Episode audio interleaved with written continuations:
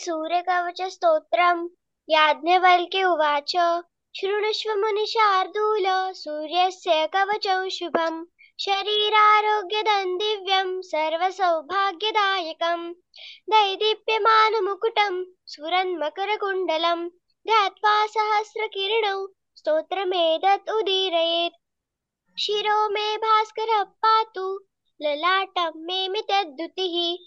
नेत्रे दिनमणि श्रवणे वासरेश्वरः घ्राणं धर्मगृणिः पातु वदनौ वेदवाहनः जिह्वां मे मानदः पातु कण्ठं मे सुरवन्दितः स्कन्धो प्रभाकरः पातु वक्षः पातु जनप्रियः पातु पादौ द्वादशात्मा सर्वाङ्गौ सकलेश्वरः सूर्यरश्मा रक्षात्मकं स्तोत्रं लिखित्वा भूर्जपत्रिके.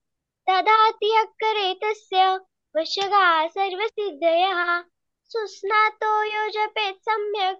योधीते स्वस्थमानसः। सरोगमुक्तो दीर्घायु। सुखं पुष्टिं च विन्दति। इति श्रीमद् याज्ञवल्क्यमुनिविरचितं सूर्यकवचस्तोत्रं सम्पूर्णम् खूप छान.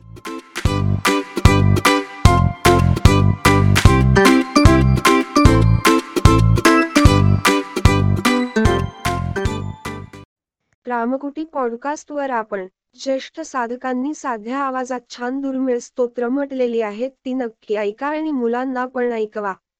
रामकुटी पॉडकास्ट आपण Apple podcast Amazon music Jio Saavn Gaana Google podcast Spotify tune in YouTube आणि जगातील पॉडकास्ट पुरवणाऱ्या सर्व्हिसवर आपण रामकुटी सर्च करा.